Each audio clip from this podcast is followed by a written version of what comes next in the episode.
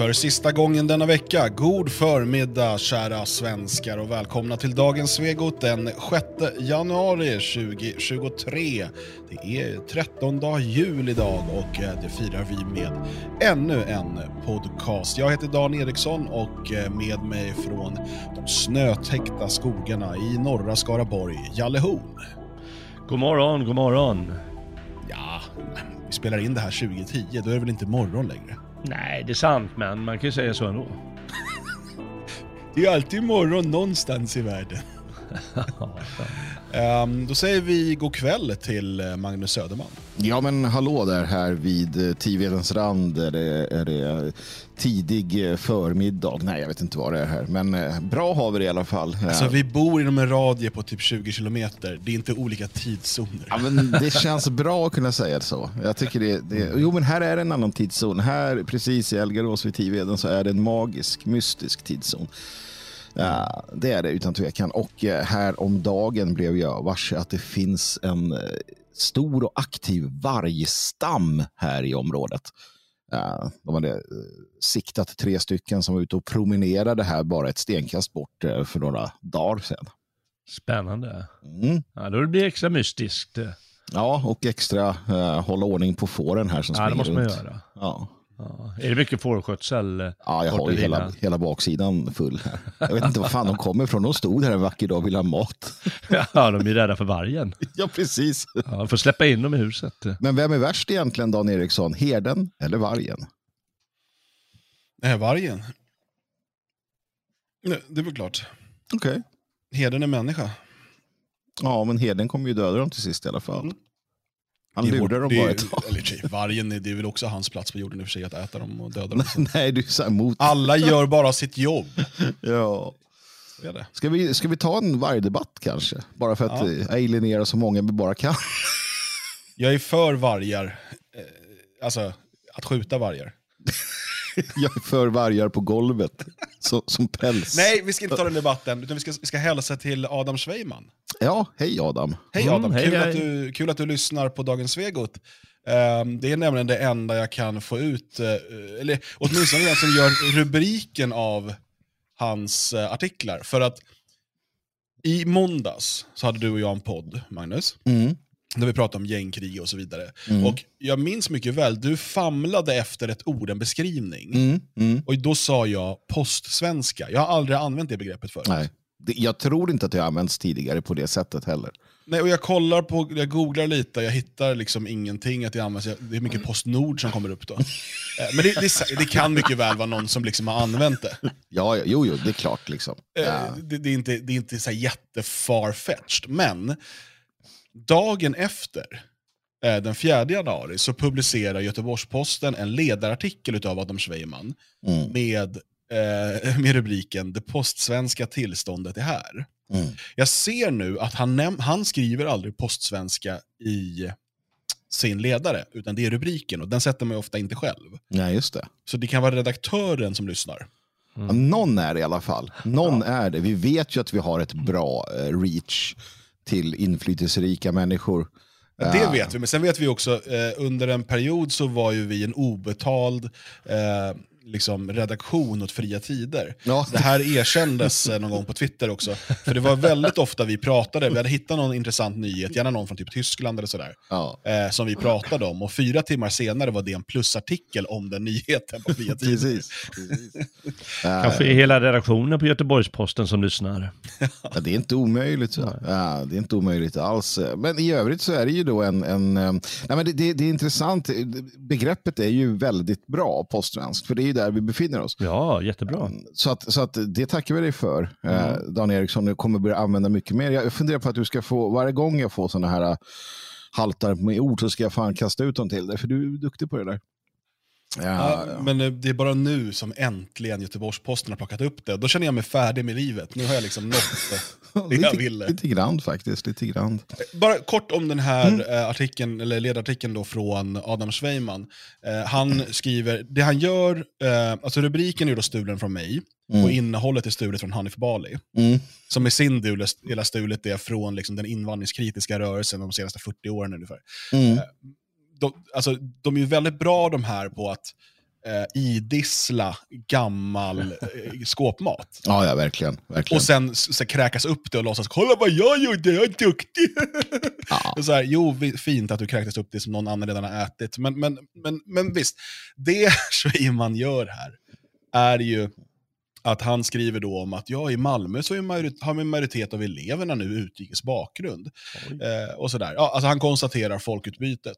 Och återigen, vad är, precis som i Hanif Balis artikel, för det här, är- han skriver exakt samma sak. Vad är problemet med det här? Jo, det, det är inte bra för invandrare. Mm. Och varför inte då? Ja, för de lär sig inte språket. Och Mm. både Bali och Schweiman, ehm, alltså en, en iransk kurd och en, vad är han, polsk jude, va, tror jag Schweiman är. sådär. Mm, någonting sånt. Eh, som då, och de konstaterar då att det här är dåligt för invandrarna. Svenskarnas perspektiv är ganska irrelevant. Eh, det är ändå i det postsvenska tillståndet. Eh, och eh, dessutom så hakar man hela tiden upp sig på det här eh, som är språket. Jag har hållit på och fila på en artikel eh, hela den här veckan eh, som inte har blivit klar. Det är så jäkla irriterande. Men Ja. den eh, handlar om eh, den gemensamma berättelsen. Alltså för, I ett nationsbyggande så behöver man eh, gemenskap. Alltså för en nation behöver, det finns lite olika definitioner, men, men man behöver en gemensam berättelse och någonting att samlas kring. Eh, och Det vi ser ganska tydligt, eh, det är ju att man försöker från framförallt ska man säga, integrerade invandrares håll, som, som Schweiman och Bali, så försöker man ju skapa en ny gemensam berättelse, en ny gemenskap kring språket. Alltså att vara svensk är att tala svenska. Mm. Eh, vilket eh, lustigt nog är den gamla definitionen av att vara tysk, men det var i en tid innan massinvandring från Afrika och, och sådär. Ehm, men, men han skriver exakt samma sak som, som Bali skrev för några veckor sedan. Jag tycker ändå, även, om jag, liksom, jag håller inte med Schweiman, jag tycker att han har liksom fel ingångsvärden, eh, jag, jag litar inte på hans eh, intentioner, så är det ändå bra att de här artiklarna skrivs i Mm. gammal media. Men Jag, jag säger en sak som jag tycker är, är han, alltså det, det, han, han formulerar det bara på ett, på ett bra sätt. Va? Och eh, som du säger, det här behöver höras eh, till fler. Han skriver, hade proportionerna mellan befolkning ansetts viktigare hade förstås politiker i alla partier, forskare, kommunanställda och andra larmat i decennier. Befolkningsfördelningen omintetgör integrationen. Men så har inte skett eftersom man nog uppriktigt och delvis av ideologiska skäl inte ansåg det centralt. Eh, alltså, och de som då lyfte frågan om demografi ansågs suspekta och därmed även budskapet de framförde, att demografi spelar roll. Det, det där, där får du ju verkligen, ehm, det är ju verkligen huvudet på spiken hur det har sett ut. Så att kom inte och säg, och det här, det är väl det jag tar med mig, kom inte och säg att de inte visste, återigen. De visste mycket väl vad de gjorde. De visste mycket väl eh, vartåt det barkade hän. Forskarna, eh, politikerna, kommunanställda, alla såg det. Alla såg hur Sverige fylldes på. Alla såg den demografiska förändringen. Men man brydde sig inte, eller tyckte den var bra, eller vad det nu kan ha varit. Så alla de här människorna är skyldiga. Jag vill återigen lyfta den frågan som Jalle ofta gör, den om straff. Människor måste straffas för det onda de gör. Eh, så kom inte när det kommer något så här kommunalråd som ja, jag har suttit i 30 år. Ja, men du vet vad du har gjort din jävel. Du ska inte komma undan så att säga. Du ska fan ställas mot väggen och få skäll och vi ska bråka på dig och vi ska, vi ska skriva argt om dig och så vidare. För det får man göra. Mm. Nej, men det är bra, jag håller helt med. De, de måste straffas på något sätt. Eh, Det blir fullt i källarna givetvis på redaktioner och, och, och verken och överallt. Men jag måste återigen framhålla den förhatliga Carl Bildt som i alla fall gjorde en bra sak i, i sin politiska gärning. Och det var när han satte Lars Danielsson djupt nere i källaren i något av verken. Mm. För att han var så värdelös under den här tsunamivågen. Alltså, Ja. de, de är fortfarande hemligstämplade, va? De, eh, så man ska kunna se vad, vad regeringen egentligen gjorde under tsunamin. Ja, det är mycket möjligt. Ja. Ska det i betyder att det är 50 år många som egentligen hör hemma i källaren menar du? Ja. Ja, jo, det, det, det- det döljs nog både ett och annat där. Estonia-dokumenten är väl också fortfarande eh, hemliga. Eh, Ja. Där har Nej, men, det, men men det vi inte kontentan är ju riktigt. Straff är viktigt. Eh, Det behöver inte vara liksom spöstraff på torget, utan det kan ju vara en sån sak att man blir degraderad eh, eh, i, sin, i sitt arbete eller sin gärning eller, eller vad som helst. Eh, Mm. Kan ju också vara spöstraff på torget. Ja, det kan det vara. Det behöver inte vara, men det kan vara. I vissa särskilda fall. Men naturligtvis så ska vi sakta men säkert förändra lagarna så att när det väl eh, spöstraffet eh, sker så är det med lagen i ryggen som det sker. Precis som de gör. Ja, men det är ju vårt stora problem i vår tid. Det är ju det eh, när Palme eh, tog bort tjänstemannaansvaret och egentligen hela den, den moderna politiska institutionen, hur den fungerar, att politiker kommer ju undan. Mm. Det är väldigt, väldigt sällan de blir riktigt, vad vi nu kallar degraderade. Att de inte får någon anställning eller att, de inte, att det inte funkar, de får flytta utomlands eller något sånt. Eh, eh, eller att de bara inte syns eh, mer. Det är väldigt, väldigt sällan det händer. Hur värdelösa de har varit, en, en, sån som Maud Olofsson till exempel, hette hon det? Ja, jag tror Mm. det. Hur värdelösa de än har varit så blir det ändå ett, en spark snett uppåt när de är färdiga med politiken. Fruktansvärt. Belöningar får de istället för straff.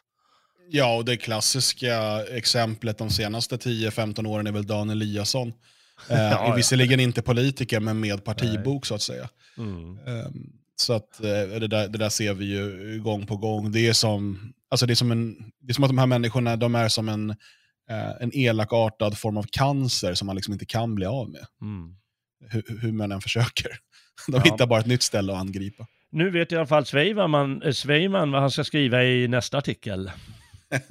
Varsågod Göteborgs-Posten. Mm. Ehm, vi skickar faktur, ska vi skicka en faktura till Göteborgs-Posten? Det är Det klart vi ska. Absolut. Researcharbete. 5000 kronor plus moms. Det fanns ju en till sån där. Nu, nu, jag, måste bara få, jag gör ju det med jämna mellanrum. Jag, ond, jag, jag blir lite, lite så här. Jag är inte bitter, men. Och det var ju Ranstorp som twittrade om det här när han klappade sig själv på ryggen över att han hade pratat om extremismen. Så här, radikaliseringen. Så här, ja, för tio år sedan var det inte så många som gjorde det. Det var jag och några till. Uh, twittrade han ut. Jag bara säger det att det var väldigt många fler. Och Ranstorp, du är inte ens halvvägs framme. Sitter på Försvarshögskolan och liksom eh, böjer knä för eh, Sverige AB. Så jag är trött på de här människorna. Man blir verkligen trött på dem, måste jag säga. Mm. Ja, eh, nej men jag tror att det där är samma inställning som eh, eh, vi hade en medarbetare förut som, som menade att hon var typ först att prata om problemen med eh, massinvandringen och sådär. Eh, och när man påpekar att hon inte var det, utan ja, till och med jag, eh, liksom, liksom, jag, jag var långt ifrån först, men, men, men, så, nej, men det är ju många som har pratat om det där i, långt innan detta. Så här, jo, men den, den första som, ja, men, som hade något att förlora, eller vad det nu var. Alltså det var ju typ, jag vet inte om det var exakt det, men det var den typen av argument. Och, så här, och jag tror att det är lite samma med Ranstorp. Mm. Att så här, jo, jo, visst, jag har ju suttit en massa rasister och sagt de här sakerna. Men nu kommer ju jag, en akademiker. Men, ja, jag visste då, jag var den första riktiga människan som sa någonting. Mm. Nej, men jag tror att du har helt rätt i, i, den, eh, i den analysen. Att det är de första normala. Vi är de första. Eller vi, liksom, vi var de första med anständig kritik. Ja, ja, precis. precis. Som inte bara höhöade och skrek sig haj. Liksom. Vilket sammanfattar våra 20 första år. Ja, lite grann ändå. Det var, det jag kände att där, där var det mycket här, Mitt emellan argument, eller mitt i argumentet så kommer liksom någon utrapning. Ja, det kan bli så ibland. Ja. Illa. Men, men det här som Schweiman tar upp då med, med invandringen och så vidare, det är ingenting nytt. utan eh, Sverige har ju alltid haft invandring eh, och dessutom hade vi ju en massiv, alltså en oerhört stor invandring under vikingatiden. Eh, man kan säga att hela Sverige såg ut ungefär som Rosengård eh, 997. Ja. Detta, Och det- har, eh, detta är vetenskap eh, och man ska all, aldrig... Det här är också intressant, den här skjut, förskjutningen som har gjorts du vet, de senaste eh, fyra åren ungefär, där man ska, att vetenskap, man ska aldrig ifrågasätta vetenskap. Jag fick ju lära mig som, som ung att vetenskap definierades av att den ska ifrågasättas och kunde ifrågasättas, eh, falsifieras och så vidare. Eh, och att den, den liksom var ständigt i rörelse. Men framförallt under den här eh, coronatiden så blev det ju att eh, det är vetenskap, ifrågasätt inte. Eh, och det känns lite samma sak nu, för att eh, man har då publicerat en, en ny studie som då, eh, det är något samarbete mellan eh, Stockholm och Reykjavik, eh, bland annat då från Centrum för paleogenetik i Stockholm. Och de har då eh, publicerat en studie som visar att invandringen ökade under vikingatiden. Eh, och det här skriver då nättidningen Svensk Historia om. De skrev först eh, rubriken DNA-analyser visar på stor invandring under vikingatiden. Eh, när man fick lite mothugg som sa att det där är ett väldigt eh, relativt begrepp, eh, så ändrar man till ökad invandring. Eh, och det här är alltså, det här är det dummaste jag... det, det, här, det här är vad som händer när man eh, tar forskning som visar någonting som skulle kunna vara intressant liksom så för att förstå historien eh, och försöker göra politiska, liksom, eh, politiska paroller av det i modern tid. För att det ska passa då den politiska agendan idag. För att det man har gjort då, det är att man har analyserat gener från 297 individer som man har hittat i eh, arkeologiska utgrävningar i Skandinavien. Och som man jämfört det med gener utav eh, idag levande skandinaver och så vidare. Och sen har man tittat på tiden innan, eh, på ett antal individer innan vikingatiden och ett antal individer efter vikingatiden. Och det man kan se då är att under vikingatiden, när det gäller just de här 297 som man har undersökt, det är ganska låg andel av liksom. Just de här 297 så är det ett, eh, en högre förekomst utav eh, utländsk DNA. Vilket också är intressant i sig, för att jag trodde det bara var hudfärgen som skiljer oss åt. Och det där. Men tydligen kan man då se det. Eh, man kan till och med gå ner så, på sån detalj. Okej, det här förvånar inte mig, men alla antirasister borde ju få ont i, liksom, borde få hicka utav det här. Eh, man går ner i sån detalj så man kan till och med säga var de här invandrargenerna kommer ifrån. Um, och då är det då från Baltikum och eh, de brittiska öarna framförallt. Hmm, vänta. Och man dessutom konstaterar att av någon anledning verkade de som bar på de här invandrargenerna, som man då kallar det för, inte föröka sig. Låt oss eh, ta den här informationen eh, och fundera på vad är det egentligen man har funnit här? Men det, det, är ju in, det är ju inte ens eh, vallonerna en gång till. Utan vi vet alla vallonerna. Vi minns alla när man var yngre och så här, man pratade om problemet med, med, med invandringen. Då bara, men alla är valloner, alla kom där, det är valloner. Valloner var något så här, ett, ett litet gäng holländare som kom hit och höll på med gruvor. Liksom, en, en, en så begränsad del. Så, ja, och det är inte ens det, för det här är ju då ett, man har hittat man har hittat spår efter trälar. Man har hittat spår efter att vi var iväg och så bara, åh, kolla vi tar med de här killarna och tjejerna. Och några ligger vi med och några har vi i arbete och några har vi som trälar. Och några, så, klart. Och de flesta var typ, de som sagt, balter, slaver, eh, anglosaxer eller liksom, kontinentala Nej, nej, de var invandrare och Sverige har alltid haft invandring. Det här det är, är ett bevis på att du inte kan vara emot invandring, du hatar så... vikingar. Andelen negroida i denna studie är ju obefintlig. Kanske de kan hitta en gammal ottoman någonstans, det är inte helt omöjligt. Va? Men det, och jag blir så upprörd över hur det här jävla jonet som har skrivit artikeln, som inte ens skriver under med namn naturligtvis, för det vill de inte, Alltså hur fan kan man formulera sig så här? Det är ju det sämsta ja. psyopen i världshistorien. Ja, men det är ju fikonspråk också. Det är, det, är inte ens, det är knappt som man förstår vad han eh, eller hon vill säga och jag tror inte personen själv riktigt förstår vad han eller hon vill säga. Det står så här. Med våra högupplösta resultat kan vi inte enbart bekräfta att det skedde migration under vikingatiden. Vi kan också spåra migration till den östra Östersjöregionen, de brittisk-irländska öarna och södra Europa. Vad, vad, vad, betyder den meningen? Jaha, vi kan spåra migration till alla de här delarna. Mm -hmm. Men alla delar av Skandinavien fick inte lika mycket inflöde av gener från dessa områden. Medan brittisk-irländsk härkomst blev utbredd i hela Skandinavien var det främst på Gotland och mellersta Sverige som den östlig, östliga baltiska härkomsten blev utbredd. Hur svårt är det att skriva eh, istället att eh, eh, Sverige tog trälar från eh, de brittisk-irländska öarna och trälar från eh, Baltikum och det är de som utgjorde den här lilla delen av genpoolen. Eller att de skriver att långt före vikingatiden hade eh, Sverige utbyte både med England, vi känner ju till de här vändelgravarna i, eh, i, i, England, eller där samma sorters gravar som fanns i, i Vendel eh, finns i, i, fanns i England, där Hutton Zoo och så, och med Baltikum och hur egentligen balterna har ju även eh, haft någon sorts vikingatåg kan vi kalla det för mot eh, delar av Sverige. Liksom normalt att man åker över pölen och krigar lite. Varför kan de inte bara skriva det enkla att eh, det rör sig givetvis inte om indier som kommer eller, eller afrikaner som du sa, eller australnegrer rent av. Det är inte det, utan det är de närmaste ställen där vi alltid haft utbyte. Nej, det klarar de inte. Måste komma med fikonspråk istället.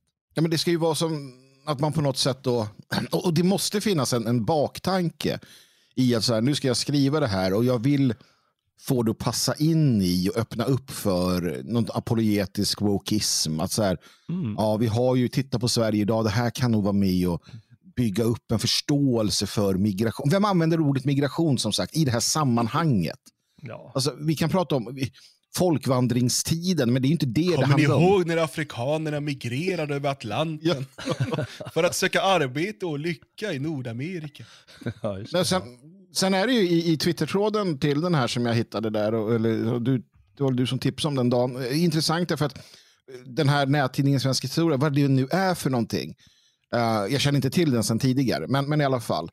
Uh, den blir, där blir man ju också överkörd från vanligt folk eller inter, historiskt intresserade som bara, men vänta nu. Som du sa, där, de, de var ju tvungna att byta liksom, rubriken för att det var så dåligt. Bara. Uh, och, och, och, det fortsätter ju bara sådär. Man, man försöker lite så här aha, försvara sig, men det går ju inte särskilt bra för svensk historia i, i tråden. Och, och det är ju för väl, för att det är ingenting nytt heller. Jag menar, när jag gick i skolan så lärde jag mig eh, det här. Att så här, ja, vikingarna åkte till nuvarande Turkiet eh, och andra ställen. Och där eh, så var man handelsmän och man plundrade ibland när man kände för det. Eh, men man tog också med sig fruntimmer och trälar hem i, i, i, en begränsad skara naturligtvis. Och vi vet att en, en, en eh, väldigt liten minoritet av svenskarna var vikingar. Eh, och de var då handelsmän. Så att, så att det är så här, ja, vad vill ni ha sagt? Liksom? Och, och, det enda de vill ha sagt är att de vill göra det populistiskt, wokistiskt och då som de har polet för Eh, den nuvarande politiken. Får jag, också, jag måste rätta mig själv. Jag var alldeles för generös mot underlaget i den här studien. Eh, de här 297 individerna, det är alltså 297 individer under ett spann av 2000 år. Det är inte 297 från vikingatiden, utan man har, då, alltså, man har ju tittat på innan vikingatiden och efter vikingatiden. Så det är, under två, alltså, det är ett jättelitet underlag för att säga något om generella liksom, genetiska tillstånd i befolkningen. Eh, och Nej, men det är som ni säger, det här, det här är ju liksom, det är politisk propaganda som man försöker göra av det. Och det kommer användas på det sättet också. Du kan räkna med att du, eh, det, här, det, här, kommer hänvisas till i, i en del liksom, debatter om invandringen. och så där. Ja, men eh, vetenskapen har bevisat att eh, det var stor och ökad invandring under vikingatiden. Eh, så att eh, Sverige har alltid varit en mångkultur. Ja. Eh, jag, jag vill bara komma tillbaka också till det här att de konstaterar då att eh, det verkar som att de här utländska generna i väldigt liten utsträckning sen fördes vidare. Alltså att det handlade om en invandring, men de fick liksom inte barn eh, i, eh, i Skandinavien sen. Eh, och för mig är det ganska tydligt med att de manliga trälar som man då tog med sig till Sverige, de kvinnorna låg inte med dem. Nej. Kvinnorna blev inte gravida med dem. Nej. Eh, tog man med sig kvinnor så gjorde man ju med största sannolikhet dem gravida. Uh, för man, ja, de, de, de fanns till där av den anledningen. Men, mm. men, men, uh, och då levde generna vidare. Men manliga trälar uh, som man tog med sig använde man ju antingen då som arbetare eller som krigare, eller det fanns massa olika sådär. Men, men det, snarare, man skulle då kunna, man skulle kunna um, haft en rubrik om hur vikingarna avstod från rasblandning. Nu, så här, Just det, det svårdraget när man pratar om typ britter och sådär, man pratar om rasblandning. Men man, jag menar, det är lika dumt som den här eh, rubriken i svensk historia. Man kan ju konstatera att kvinnorna förr hade bättre smak än vad de har idag kanske i alla fall. Ja, nu ligger de med britter, det är för jäkligt. Ja, jag har alltid, alltid, aldrig förstått det där riktigt.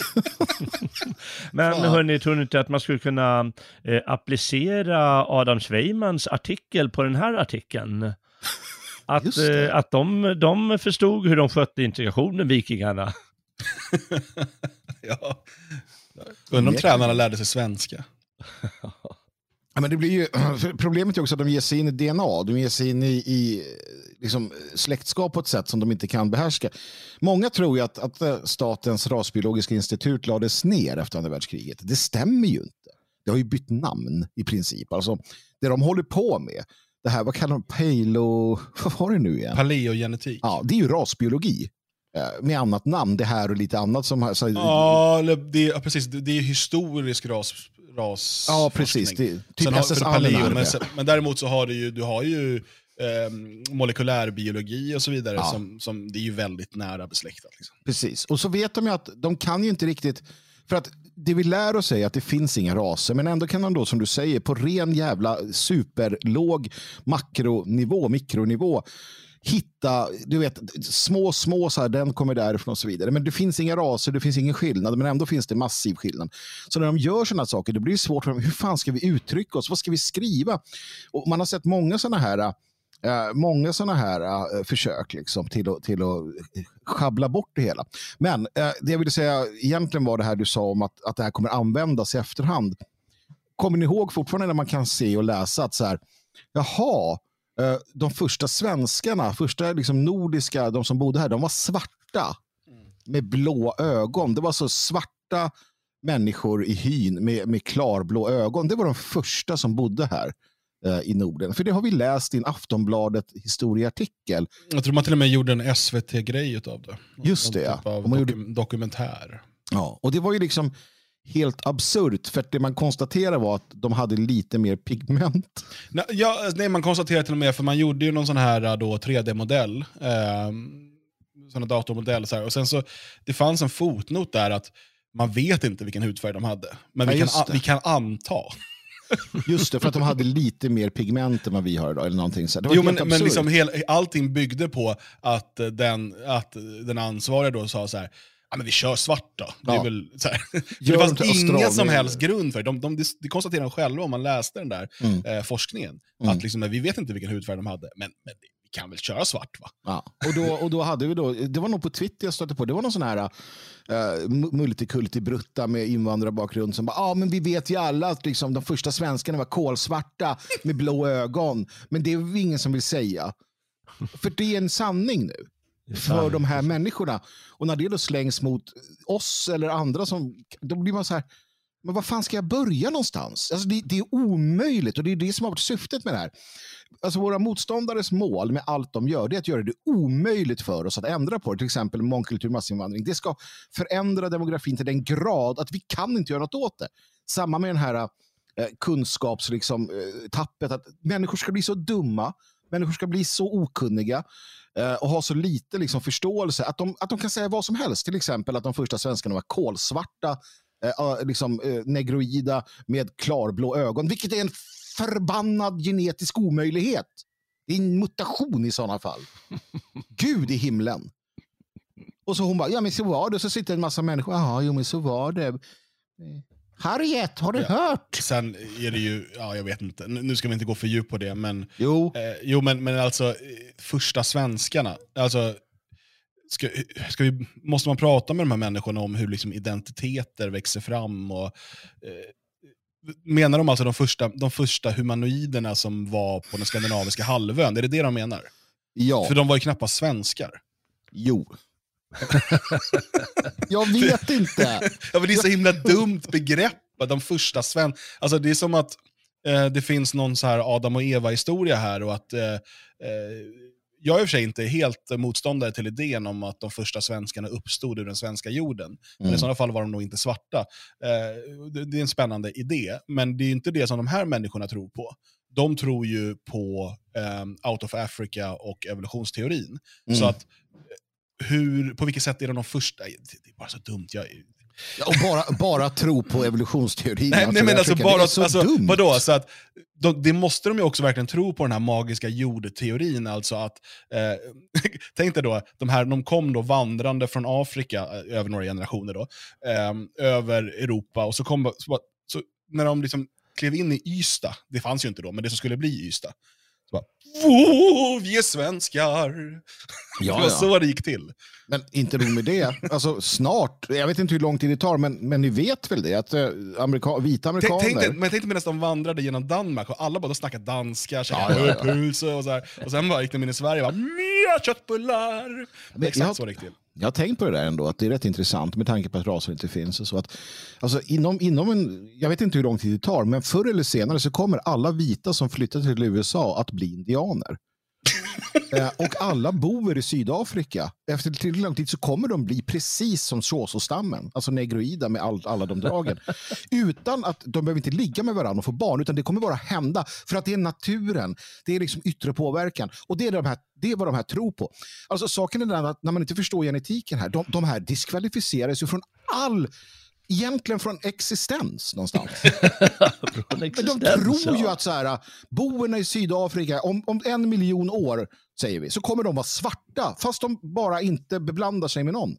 För att de bor i Sydafrika.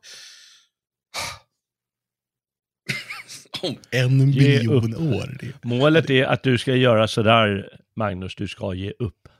Jag vet, Eh, men jag har inte gjort det ännu. Och jag Nej, det är tänker, bra. men jag- jag fick, det var kul, jag fick ett meddelande här eh, från en, en person eh, som sa så här, men ju mer jag lyssnar på vad ni säger, desto mer liksom så här, blir det bara klart och tydligt att det är ju sant. Och jag kan inte förstå hur fan det kan vara kontroversiellt för någon. Alltså det här är ju som en jävla lök, det vi håller på med.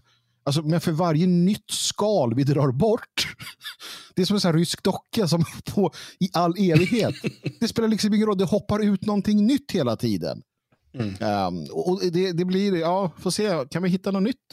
Har vi något mer Dan? Någon mer rolig sak och konstig sak? Vi kan Ja, vi har massor. Jag- Jag skulle, ska vi eh, fortsätta på demografispåret så skulle jag eh, vilja kort eh, hänvisa till den här artikeln jag delat till er som handlade om utvecklingen i Japan. Och den vill jag leda Mm. in till en annan diskussion. Eh, för att Japan har ju stora problem eh, med demografin. Inte så mycket på, som i Sverige då, eh, där vi pratar mycket om liksom, invandring från tredje världen och så, utan de har ett, eh, ett problem som vi också har i Sverige, men de har i ännu högre utsträckning ett problem med att de föder för få barn, alltså de har en minskande befolkning. Eh, och eh, i dagsläget har man de facto en minskande befolkning. Det är inte bara någonting man ser på framtiden, utan man har haft det här problemet med eh, låga födelsetal under ganska lång tid och det börjar nu påverka samhället på flera olika sätt. Japan har ju velat lösa det här problemet. Eh, I Europa talar man ju då om eh, replacement migration, som det står från FN, alltså utbytesinvandring, eh, där man då ska, för att hålla igång systemet så ska man ha invandring från länder utan system. Eller något. Eh, och så ska det då hålla igång eh, samhället eh, eftersom att eh, ursprungsbefolkningarna i de europeiska länderna eh, föder för få barn och då kan man inte upprätthålla välfärdsstaten och sådär. Eh, I Japan så vill man ju lösa det här med eh, robotar och automatisering istället. och Så. Det är en intressant väg. Men de har stött på ett problem och det är att eftersom de har en minskande befolkning Eh, och dessutom eh, en hel del annan problematik inbyggd i det, eh, så har de massor av lönsamma företag som måste lägga ner när ägarna går i pension eller är så pass gamla att de inte kan jobba längre. För att det finns inte folk som kan eller vill ta över de lönsamma företagen. Ofta handlar det om företag som inte ligger i Stortokyo. Och i eh, Japan har man ju under eh, lång tid haft problem med eh, att människor lämnar landsbygden och flyttar in i det här jätte, den här jättemetropolen eh, eh, Tokyo. Alltså det, det är en massiv superstad. Um, och eh, företag, alltså lönsamma företag på eh, landsbygden som man skänker bort. Man vill bara komma och ta över företaget. Det är bara att gå in, fortsätta arbetet och du har garanterad inkomst. Eh, och kanske till och med flera anställda och sådär.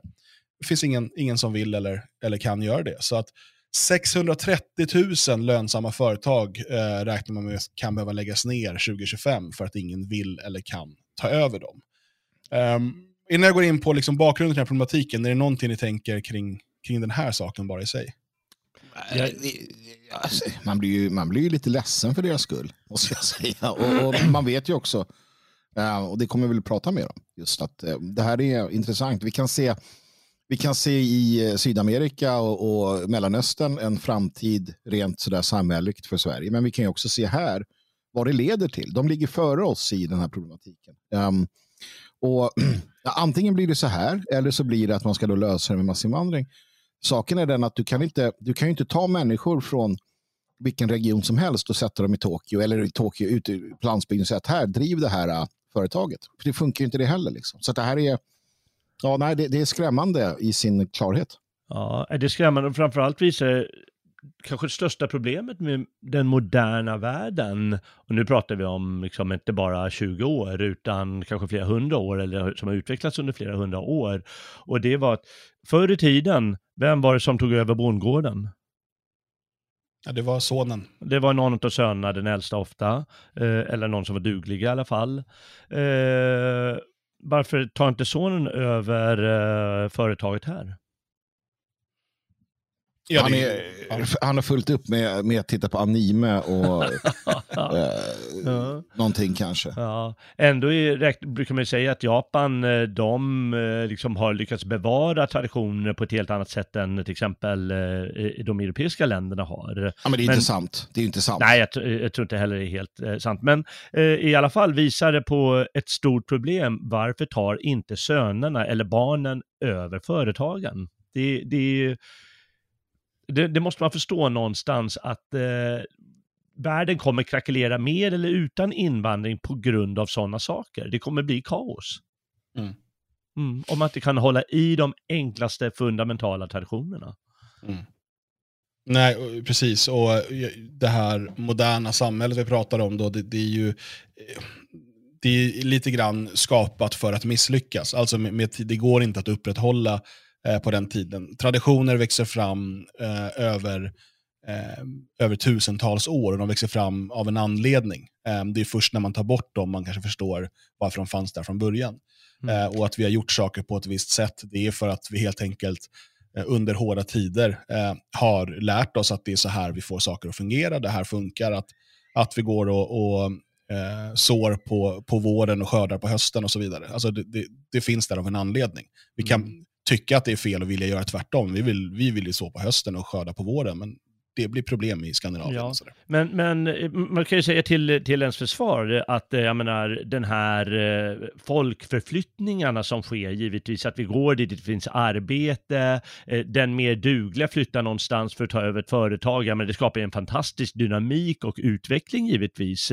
Istället för att någon av mina korkade jäkla söner ska ta över bondgården. Det kanske vore bättre egentligen om det kom en utifrån och tog över och, och skötte det mycket bättre.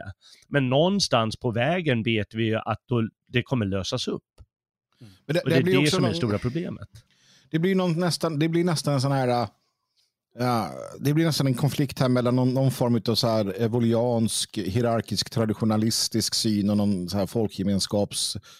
Eh, tänk också det så här, ja, men det, tänker så här, idén som förr var, skomakare blir vid din läst.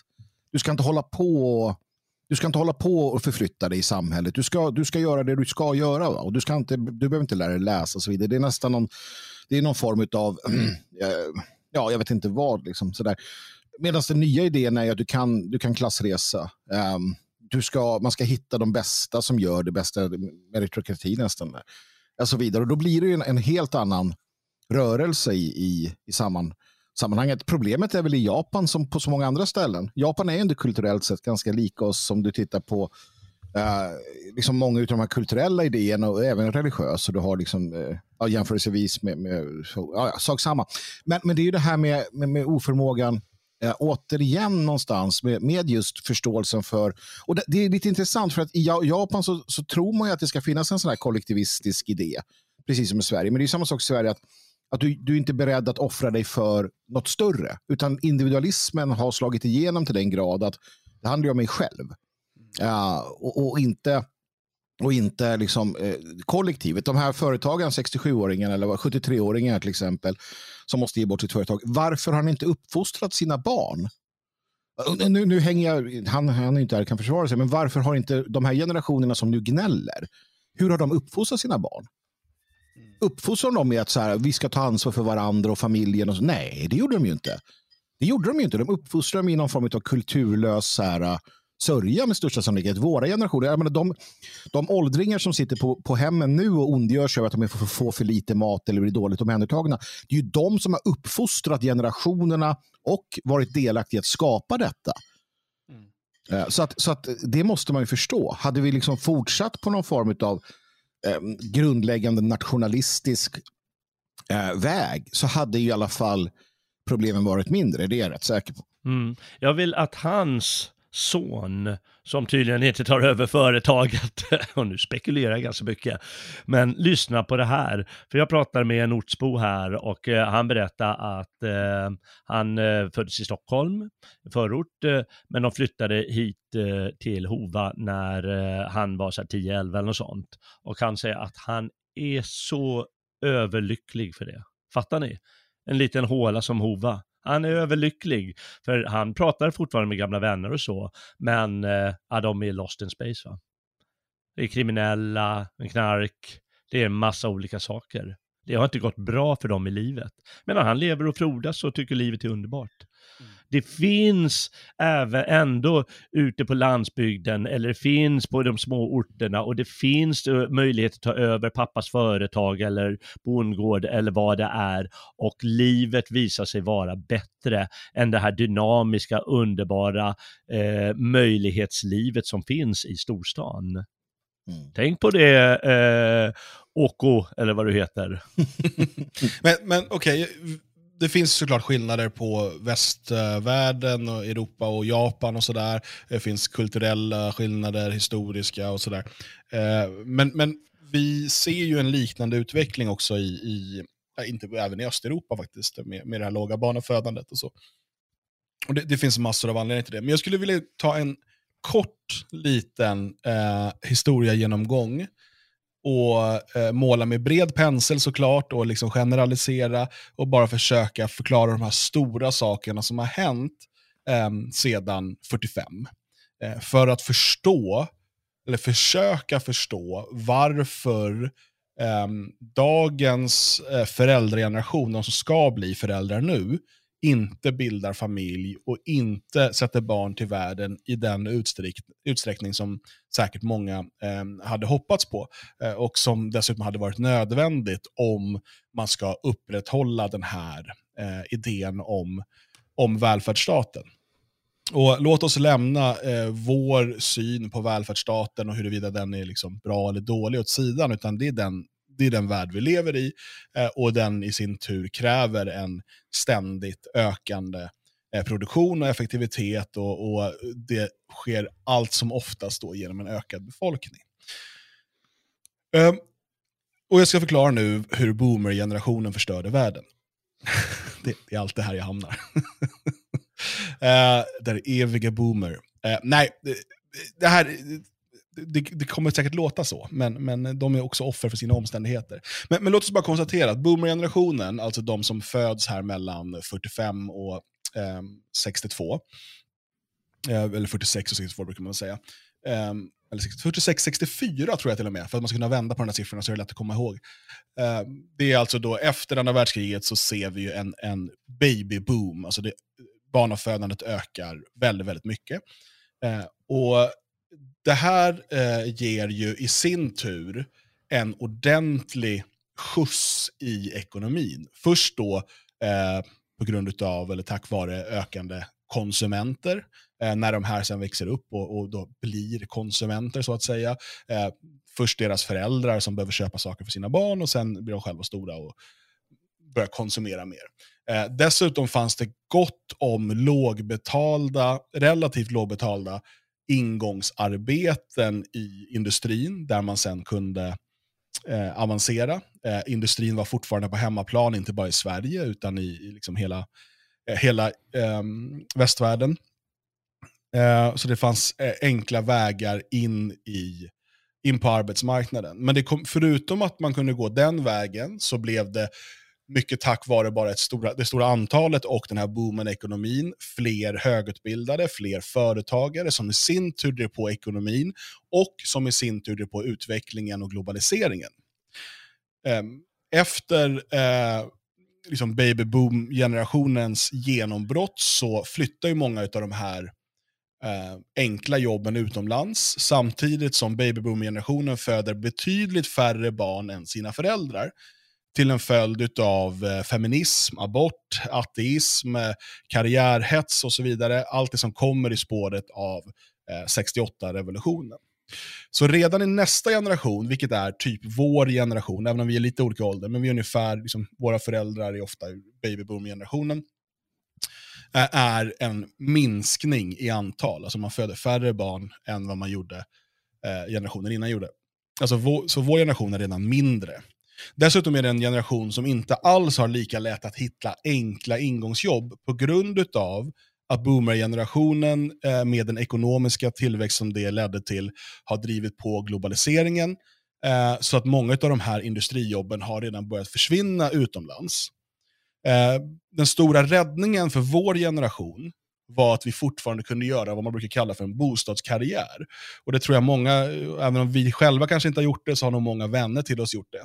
Alltså under, från 80 och fram till 00, även in på 10-talet, eh, var det många som tjänade alltså mer pengar på värdeökningen på sitt boende än vad de gjorde eh, på sitt arbete. Det här var liksom så som människors tillgångar växte.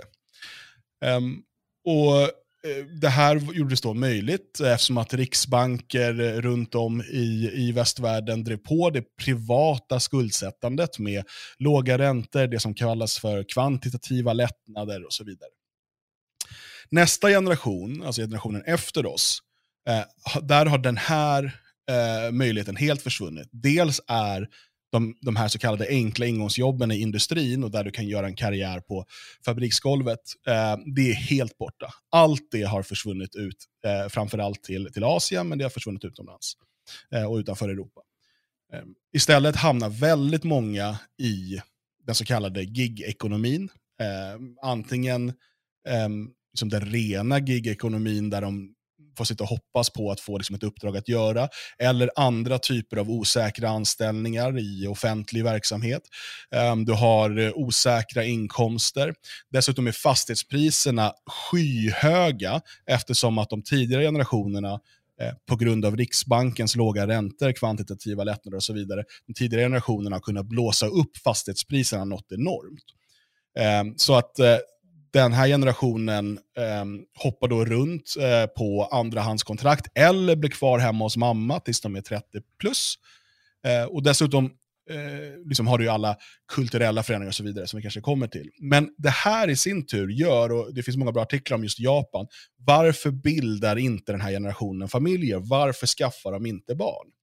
Och kombinationen av att väldigt få har eh, alltså, ovanligt få, jämfört med tidigare generationer, har säkra inkomster.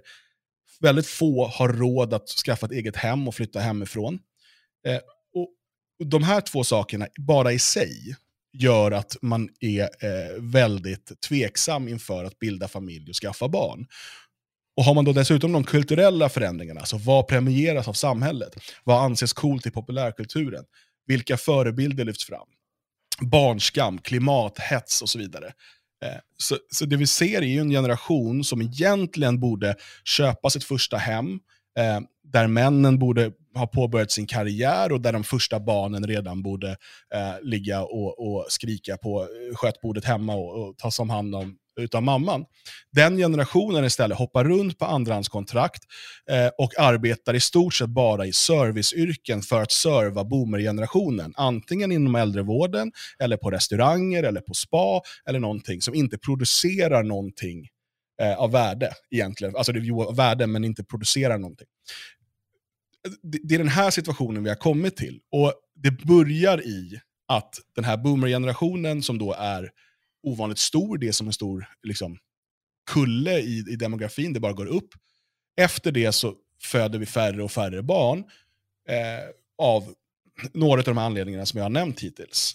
Och vi är framme till den, den nuvarande unga generationen som borde bilda familj nu, men som alltså sitter, sitter i, det här, eh, i den här situationen. Eh, och, och, och, vi vet ju alla också dessutom den galna liksom, feminismen, hatet mot män eh, som skapar incelrörelsen och kvinnohat och allt det här som såklart försvårar ännu mer. Men, men vi har ju satt den här generationen i en riktig jäkla skitsituation helt enkelt. Eh, genom att tidigare generationer har haft kortsiktigt tänkande, hur kan jag berika mig själv, eh, hur kan jag förverkliga mig själv eh, och så vidare. Så att vi har inte skapat tillräckligt stora familjer, vi har lämnat landsbygden, vi har blivit rotlösa, eh, vi har globali eh, drivit på globalisering och eh, därmed också tagit bort möjligheten eh, till den här typen av industriarbeten, blåst upp fastighetspriser så att det inte går att hitta bostad. Eh, och sen så tittar vi på organisationen, varför bildar ni inte familj och skaffar barn för? Ja, för att det samhälle som ni har lämnat över till oss är betydligt sämre än det samhälle och de möjligheter som tidigare generationer fick ta del av. Ja, vi andra är tysta hör Mm. Bra ja, föreläsning. Ja. Bra föreläsning, mm. fint. Ja, men det, det, det, gäller ju liksom, som sagt, det är väldigt generaliserande och bred pensel såklart. Eh, men man måste ju ha klart för sig att, att eh, det är lätt att bara peka på de, den unga generationen och säga att de är värdelösa. Men, eh, och speciellt när jag hör det från boomers så blir jag förbannad alltså.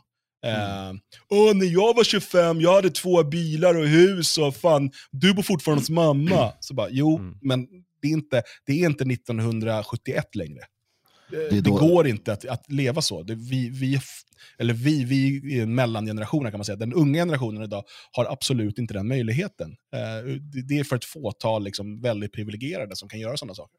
När de säger så, att du bor fortfarande hos mamma, då tittar du på dem och säger det är du som är min mamma. och då är hon svaret skyldig. Varför bor jag här mamma? Vad gjorde du med allt? Varför gjorde du som du gjorde? Ja, nej, sen generellt sett så alla, alltså folk är ju, nej precis, jag, jag, tycker att du gör en bra, det är en bra sammanfattning. Ja. Uh, helt enkelt. Ja, och jag tycker att, eh, som du var inne på lite Magnus där, det är ju dags för den äldre generationen att säga, nej men vad fan är det jag har åstadkommit mm. genom mitt liv och mitt levande och mina möjligheter som jag hade. Varför har jag inte skapat något ännu bättre för mina barn? Mm. Utan tvärtom skapat något mycket sämre. Ja, men... vad lökiga de måste ha varit. För det, hand, det, handlar inte om, det handlar inte om någon, någon, någon form av så här, du ska, du ska liksom äh, Eh, stå inför, eh, inför oss alla och erkänna att jag gjorde det här. Och så. Jag har haft en del intressanta samtal med, med äldre eh, på, i Svenskarnas hus bland annat. Vilka bara så här har varit tvungna att konstatera. Det är människor som är modiga. De är intellektuellt modiga, känslomässigt modiga. De har varit tvungna att inse och säga att ja, men jag, jag, när Daniel Wedström mördades, jag fattade inte det. Jag, jag såg inte det. Jag, jag, vet inte vad jag var. Jag vet inte varför jag inte förstod hur ni hade det. Jag, förstår, jag vet inte varför. Jag, jag gjorde som jag gjorde, jag röstade som jag gjorde. Det fanns skäl till det, men jag vet inte själv. Men, men eh, nu så, ja, jag, jag, liksom, jag, jag, jag ser det här nu och nu gör jag vad jag kan. Nu gör jag vad jag kan och, och det, det är lugnt. För det, det handlar inte om någon form av så här, uh, förnedringsparad och vi ska liksom dus, eh, som i, i Game of Thrones, skam, skam. Även om det kan vara rätt kul det också. Um, utan, utan det handlar ju bara om att uh, ta chansen uh, och göra rätt. Liksom. Det, det, är aldrig för sent att göra rätt. Ja. Och det gäller ju allt i livet egentligen. Uh, men i synnerhet detta, för sitter man nu och har möjligheter så hjälp till mer än uh, alltså hjälp till med de, de, det eventuella överflöd som du kanske har. Då.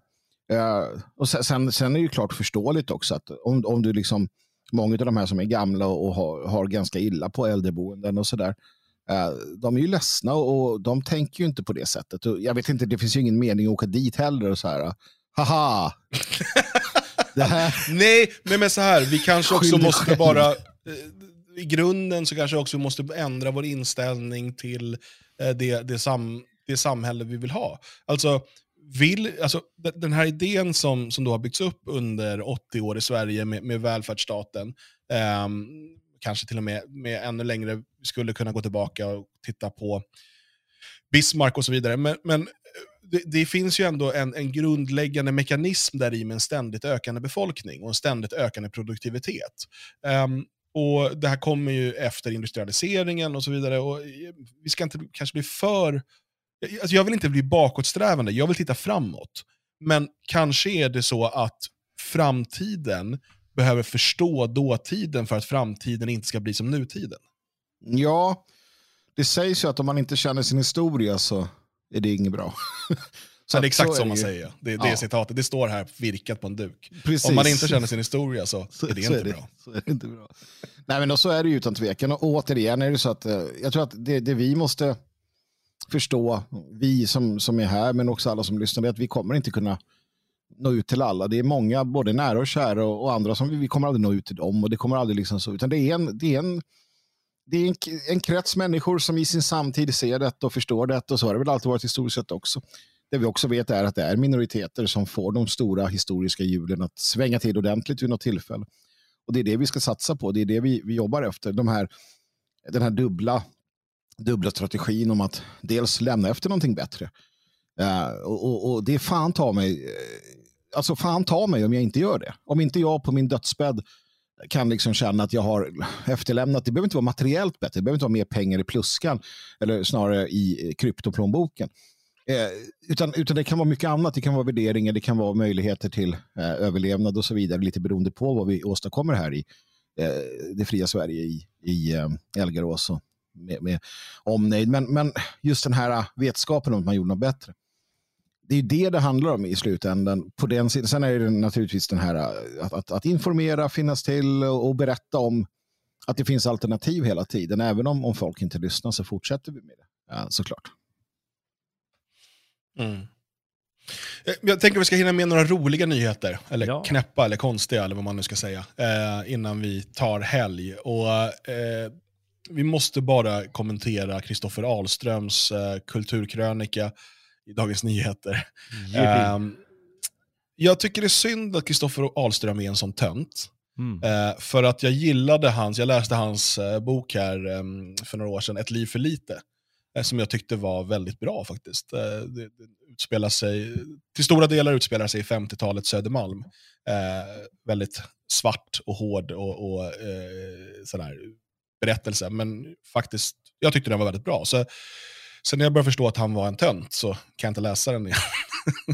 Går inte. Eh, hur som helst, eh, han skriver då eh, under rubriken “Männen lagar mat för att slippa ta ansvar för barnen”. Eh, och han konstaterar då att eh, och Det är så roligt för man har här, ofta hört om att ja, män gör för lite sysslor i hemmet och sådär. Bla, bla, bla. Och nu är det ju, det han har upptäckt är att män i större uh, utsträckning numera också lagar mat. Ehm, men det här gör man egentligen bara för att smita undan de andra ansvaren. Det är fortfarande kvinnan som eh, tvättar och städar och tar hand om barnen och så vidare. Medan mannen står och gör intrikata grytor och eh, förfinar sitt recept på, på carbonara och, och köper eh, elektriska vakuumförpackare och, och sådär. Ehm, och det där, ehm, eh, det där verkar han eh, besviken på. Det här och ytterligare ett slag mot jämställdheten antar jag. Ja, var ska, ja. Man, var ska man börja? Jag, så, eh, ja. jag kan ju säga så här, för det första, kanske är bra att de står i köket, eh, killarna. Uh, man brukar ju säga så här, ja men tvättmaskin och dammsugare och alla sådana hjälpsysslor som har hjälpt till att förenkla alla de där sysslorna, de är uppfunna av män. Mm. Ja, så att det har blivit bättre och enklare och inte lika jävligt. Eh, och då blir det ju, ja, då blir det ju förändring i köket också. Kanske ska vara tacksam för det. Eh, alla, alla kvinnor då, eller Kristoffer själv, eller något sånt. Och det andra skulle jag säga att man, man, man, kan gå ett steg tillbaka och säga innan, för, för det går ut på att skylla, beskylla männen här, återigen, hej och hå. Oj, vad originellt. Eh, eh, kan ju beskylla, skulle man beskylla männen förut, från det att de gick från sina eh, rätt hårda arbeten som kanske hade, och så hamnade i köket eh, och, och gör lite mer jobb där. Att eh, de, man, man säger, eller, eller sa, sa, sa kvinnan, förut. Ja, vad skönt att du går hemifrån och offrar livet nu medan jag kan vara hemma och ta hand om barnen och tvätten och köket. För vi vet ju att manliga arbeten innebär eh, en större, mycket större risk för skador och död. än alla kvinnliga arbeten. Ja, Allt det mannen gör är inte värdelöst, vill jag bara säga. Det är ju, man får också säga, jag vet inte vad, liksom vad, vad avstampet är här egentligen. Är det liksom det här äh, ganska sjaskiga 50-tals, tycker jag i alla fall, liksom hemmafruidealet eller är det liksom en germansk arbetsfördelning? Jag, jag tänker bara så här rent så här on top of my head. Är kvinnor så jävla dåliga på att använda sina vapen? Eh, vill de att mannen ska tvätta och han inte gör det, säg att du får inte ligga. Eller om du gör det så kommer jag vara extra snäll mot dig i sängen. Så kommer han tvätta. Det är inte svårare än så. Vad är det att gnälla om? Och det är ju inte kvinnor som gnäller heller. Det finns några feministkärringar som gör det mm. utav båda könen. Och, och, det är ju faktiskt så, för de, i de flesta förhållanden och de flesta familjer så löses ju sånt här. Helt mm. automatiskt. Sen sitter de här präktiga jävlarna, nu vet inte jag om han får ligga, men han kanske tror att han får ligga när han skriver det här. Eh, någon form av så tråkig feminint sex då, som vi läste om för tio år sedan. Ni kommer ihåg det att man skulle göra vissa saker och sådär. Eh, det kanske är ute efter. Jag vet inte vad du har läst för något. Men... Nej, men kommer du inte ihåg det? När det var så att du måste Jämställt fråga om sex, allt. Jämställt sex, ja. Det var ju fantastiskt att läsa om. hur. Vill du veta hur man, hur man får en kvinna att bli avtänd? Genom att viska jämställt sex. Precis. och det fanns ju en hel, det fanns, jag kommer ihåg att det fanns någon sån här uh, in, in, introduktion, då, eller en sån punktlista hur man skulle för att ha jämställt sex, hur man skulle agera under akten. Då. Det var mycket fråga. Kommer du ihåg när du träffade en kvinna som sa så här, jag tycker inte om män som tar för sig? Ja, precis. Det är så här, jag vill att du frågar innan du gör allt. Så här. Ja, okay. Nej, men, och, och det men, vänta, jag ska bara säga till er unga män som lyssnar nu och som har lite svårt med kvinnor, vi är väldigt sarkastiska just nu. Vi ska alltså inte, vi ska inte bete er eh, på det sättet eh, om ni vill lyckas med kvinnorna. Det, det, är, vårt, det är vårt tips. Bra. Precis, och det ser, som sagt, återigen, det är ju ett, ett gäng eh, sådana feministiska kvinnosakskvinnor som skriver sånt här och han då, eller hon. Kristoffer, eh, det är ju en kvinna också. Alltså en sån här, det är ju en feministkärring det också, för att använda det så negativt. Um, för att det är ju bara löjligt. Det är ju bara löjligt. Och, och, och han vill ju bara signalera någonting. Och så här. För att, som sagt, i de flesta, i de flesta hem och familjer tror att det här löser sig självt. Eh, och som sagt, kvinnan, eh, förstår hon sin makt så är hon livsfarlig. Mm. Nej, men man, man, man, kan säga mer än så. Det, det, är klart att det är ganska löjligt eh, när det går till överdrifter, eh, det här med, med grytkokning och så, och eh, de ska försöka eh, jag vet inte vilka som gör det, men eh, liksom eh, prova tusen olika recept och förfiningar och snacka om det vitt och brett för sina polare. Men samtidigt är det ju så att det är något djupt manligt vi har att göra med här. Och det ska vi, det, det bör, måste hyllas. Och det är ju så att män har en förmåga att göra saker till hobbys. Mm. För att de nördar ner sig eller snöar in sig eller grottar ner sig eller vad man nu vill kalla det för. De går in för saker helhjärtat på ett sätt som kvinnor faktiskt sällan gör. Och män har mycket mer hobbys än kvinnor har av mm. just den enkla anledningen. Och det är samma sak med köket. Jag menar, ni kommer ihåg för några år sedan när det var surdegar. ja, men det var ju skittöntigt alltihop. Ja, prata om sina surdegar. Oj, jag måste frysa in surdegen när vi ska på semester, älskling. Oj, det fanns, oj, oj, oj, det fanns surdegshotell. Vi får åka imorgon istället. Det fanns ett surdegshotell som du kunde ja, lämna in på. Ja, just det. Ja. Jag menar, hur fånigt kan det bli? Men det är på grund av att män bli, bli, de inte besatta, men det är någonting att de måste liksom de är innovativa helt enkelt. De måste fortsätta utveckla, undersöka och göra allt med det här. Men inte bara det. det om vi tar ett steg längre, det är också så här att ja, ärligt talat, eh, jag åker gärna till en sjö och kastar sten i den. Jag är 45, jag ja. gör det. Jag kan göra det med mina kompisar, mina ja, manliga kompisar. Ja. Och det är skithäftigt att kasta stora stenar i sjön. Ja. Och kolla när det plumsar. Ja, och kolla när det plumsar och sen skratta lite och grilla korv. En kvinna skulle bara, vad fan, du är. Liksom. Det är sånt Men... man inte gör när man tar med tanten på stranden. Det är som man sitter och tittar på stenen och bara, åh vad jag vill. Vad jag vill. Nu, nu har jag en intressant fråga här till er. Ja. Om mannen blir så här av att hålla på med surdegar och hålla på med de här grytorna, vad kallar han det för nu? Kimchi, kimchi-grytor. Mm. Kimchi, ja, Hur blir han när han hamnar i tvättstugan? Nej, men det, nej, precis, det är det här som är sant. Jag, för att det här är, det som han beskriver är ganska mycket vår uppdelning hemma. Jag lagar den mesta maten, inte allt, men jag lagar kanske fyra, fem dagar i veckan. Eh, och min fru sköter tvätt och städning till 95%. Men jag har också levt eh, själv eller ensam och då fått sköta tvätt till exempel själv. Och då eh, såg jag ju till, då hittade jag massa sätt, massa effektivare sätt att vika till exempel. Eh, häftiga, alltså jag, jag, jag, det var, jag, om jag ändå ska göra det här varje dag, eller flera gånger i veckan, då vill jag ju kunna göra det, liksom, lära mig någonting, gå framåt, känna att det, liksom, jag, jag blir bättre. Eh, eller köpa någon cool manik som gör det roligare. Eller så. Det, som du säger, jag tror att det här är något djupt manligt. Det finns hos en del kvinnor också så, såklart. Men, men generellt sett är det så. Och när männen har tagit allt större plats i köket så har det utvecklats på det här sättet. Eh, och det handlar inte om... För det, hans, det han försöker påstå är ju att man gör det här för att slippa vara med sina barn. Att det är det det handlar om. Eh, och det, det köper jag inte alls. Nej.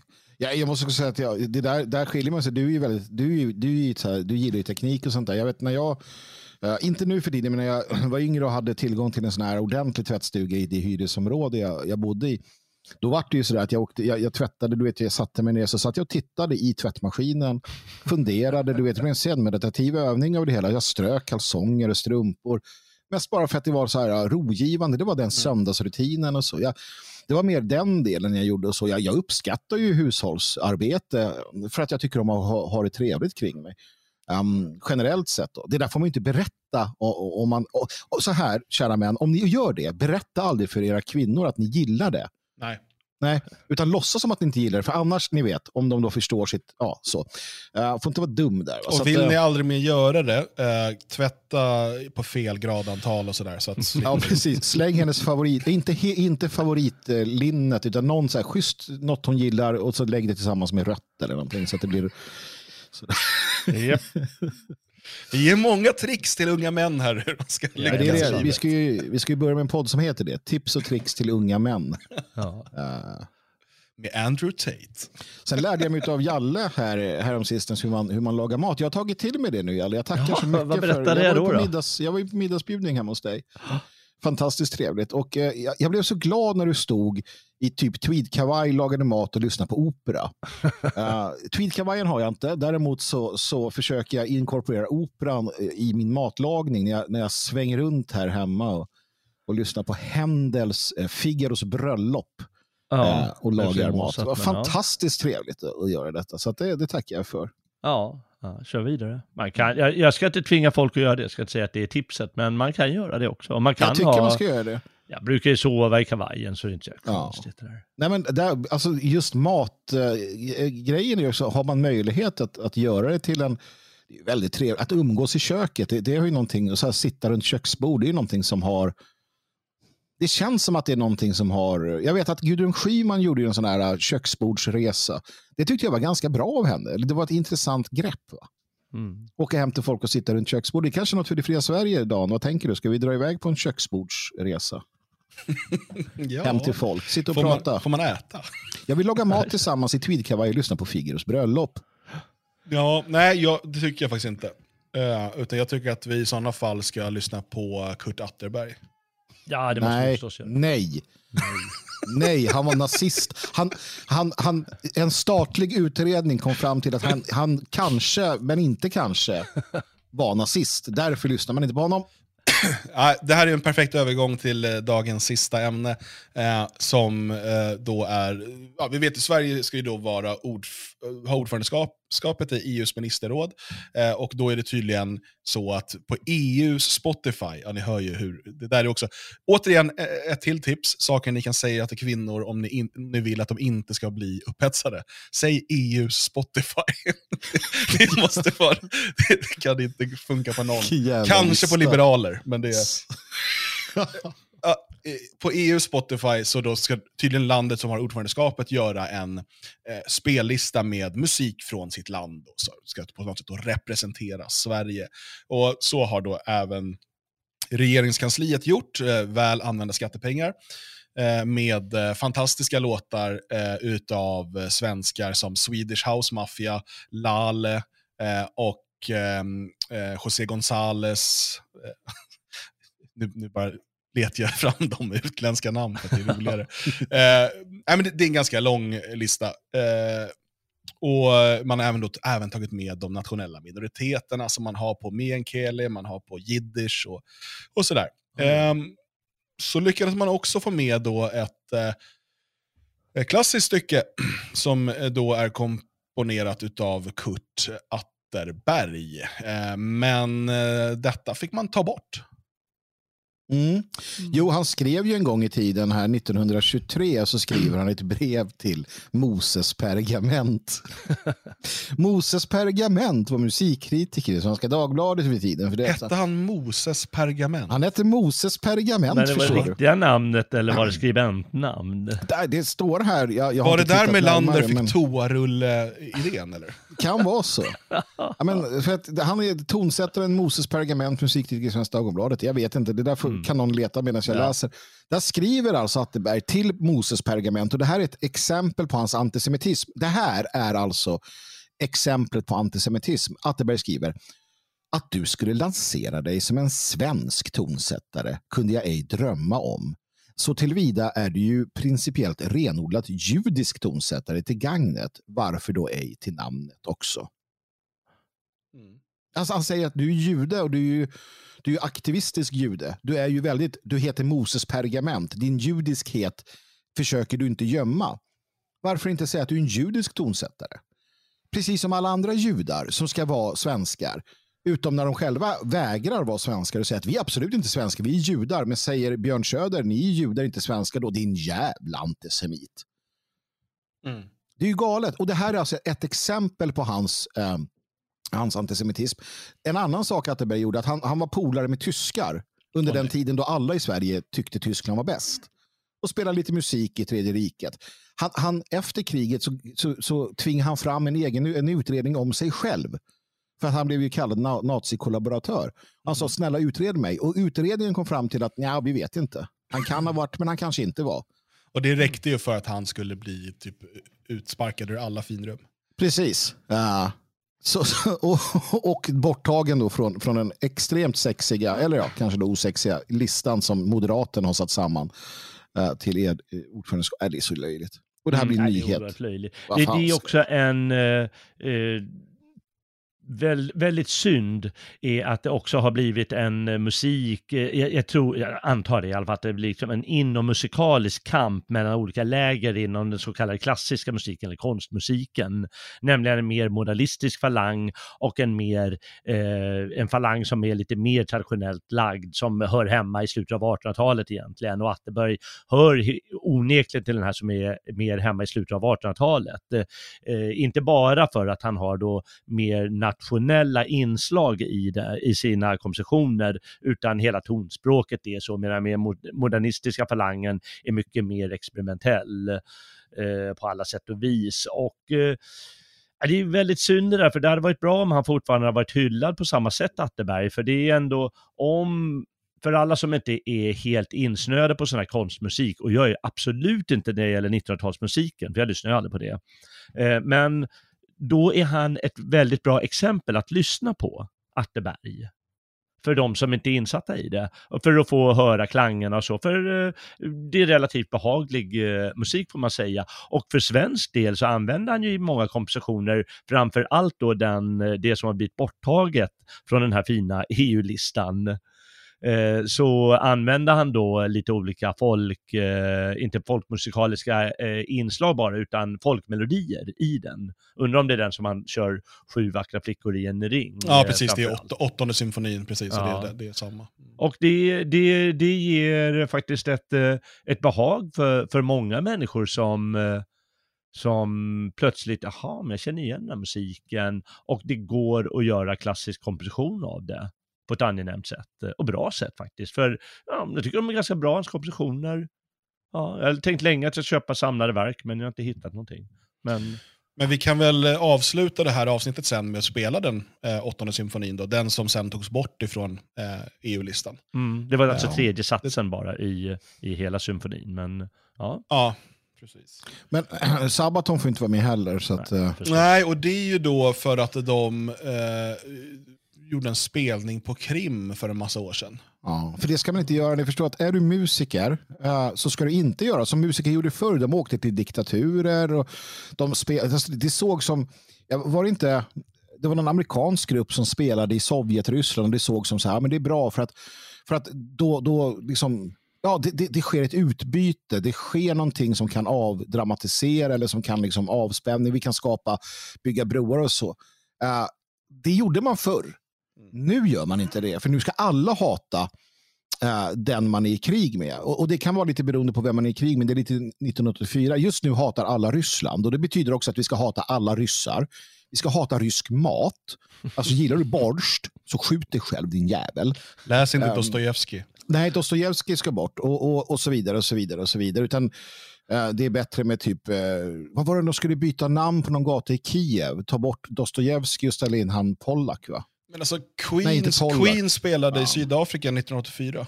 Fy fan, dessa ah, rasistiska ja. jävla Queens. Apartheid-jävlar är vad de Michael Jackson uppträdde inför sultanen av Brunei Jävla Michael Jackson. Ja. Han och kungen. Mm. Sting spelade 2009 eh, för dottern dottern till Uzbekistans diktator Död Islam åt Karimov. Sting, ja, säger jag. Sting, va? Det, blir, det blir stegling på torget. Ja. Maria Carey och Beyoncé uppträdde på, Lib alltså på Gaddafis nyårsfester. Ja, men Beyoncé är väl ändå, henne får man väl ge sig på. Eller? Nej, men och, alltså, han... det, och, och det roliga är när den när det, här, det här var ju då 2015, tror jag, det var precis efter annekteringen av Krim, något år efter.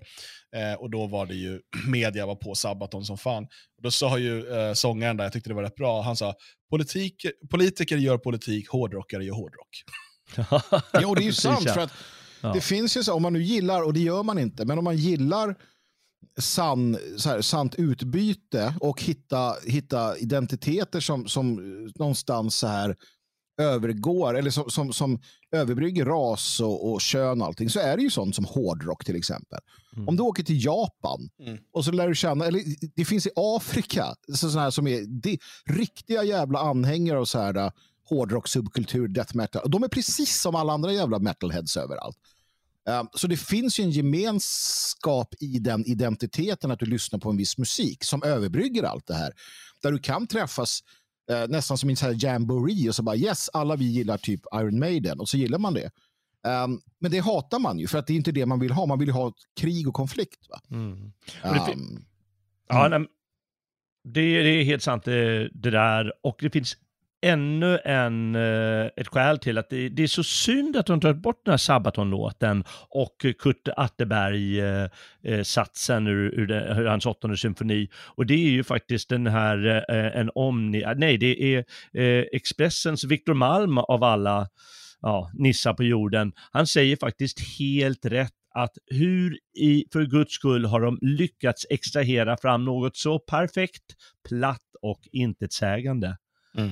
Och det är ju så att när man tittar på, på låtlistan så, ja, ja, okej, vi känner igen det där och vi märker där hur Timbuktu och Lal och så måste kvoteras in, hö, gärna högt upp på listan. Och eh, att eh, någonting som, som går lite djupare och ska vara typiskt svenskt, det är bort plockat. Men varför har de inte med Evert Taube? Och behöver de inte ta Sjösalavals utan kan de ta något annat faktiskt? Eh, de har med så... hans son visserligen, Sven-Bertil är med med Änglamark. Ah, ja, ja, precis. Var Änglamark givetvis för att det är eh, miljöpartistiskt tema. att de, att de, liksom, det, det lyser igenom det politiserade i det och det lite intetsägande och platta i det. Och det är jättetråkigt. Därför tycker jag till exempel Sabaton, det var ju ett roligt inslag. Mm. och det är roligt på den här lilla, eh, ja, du ska ändra lite titeln. Var fan är epadunken? ja, den kritiken har jag med, men du Jalle, snacka inte skit om Lale. Nej, okej. Okay. Jag vet inte ens vem det är. ja, det är inte epadunk, men nej, jag tycker också att typ Sofie Svensson och de där borde varit med, eller Jävlar anamma eller någonting. Det hade varit... Jag tycker bara att om man ska hata på, på Kurt Atterberg för hans påstådda nazism, eh, då tycker jag att alla svenska musiker eh, bör ta sitt ansvar och säga nej till pengar ifrån STIM. Ja. Eftersom att Kurt Atterberg grundade STIM. Det är han som, alltså, eh, varenda gång musiker får betalt, när, varje gång eh, musik spelas i radio så betalar de en avgift till STIM till exempel. och så går de pengarna till, till musiker. Det är nazistpengar, det är blodspengar, det är, det är stulet judeguld som hamnar i Per Gessles fickor. Detta ja, vill jag ha sagt. Ja, glöm inte heller då i sammanhanget också att är du vegetarian så är du hitlerist. Jag glömmer inte det. Men jag, jag, jag måste, det, det, är dagens roligaste citat av Kurt Hatteberg här. För du läste förut från eh, Wikipedia-artikeln på honom. Jag mm. säger till alla, gå in och läs den här artikeln. Det är lite, lite intressant i alla fall. Och framför allt läs om raderna som jag ska citera här, vad han tyckte om jazzen. Och då säger han så här. Även som blott och bart dansmusik är den sortens jazz som går i den Armstrongska silvertrumpetstilen, alltså den stupida, tungomålstalande, vrålande jazzen fullkomligt odräglig. Det vilar ett tungt ansvar över de anglosaxiska folken som släppt lös denna kulturskymning över världen. Amen, säger jag om det. Man hade velat höra vad han tycker om, om One Cuss och gangsterrap 2022.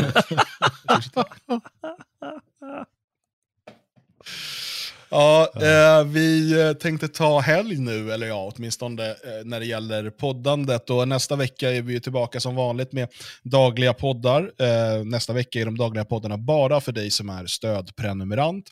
Eh, så de kommer inte komma ut på, på YouTube och, och på alla sådana här andra ställen, utan du tecknar en stödprenumeration på svegot.se support. Det är så du ser till att vi kan fortsätta göra det här och då får du också tillgång till alla poddar. Så redan på måndag kommer en podd bara för dig som är stödprenumerant. Sen på tisdag kväll, då kör vi en livesändning med video och så vidare direkt från Svenskarnas hus. Och Då kan du titta på den, bland annat på vår YouTube-kanal som heter Dagens Svegot. Eller så kan du söka på Radio Svegot på Odyssey eller D-Live, så sänder vi live även där. Spelare kommer också komma upp på svegot.se. Det återstår bara för oss att önska en trevlig helg och eh, vi hoppas att eh, den här 13-dagen är och blir trevlig för dig så hörs vi snart igen. Hej hej!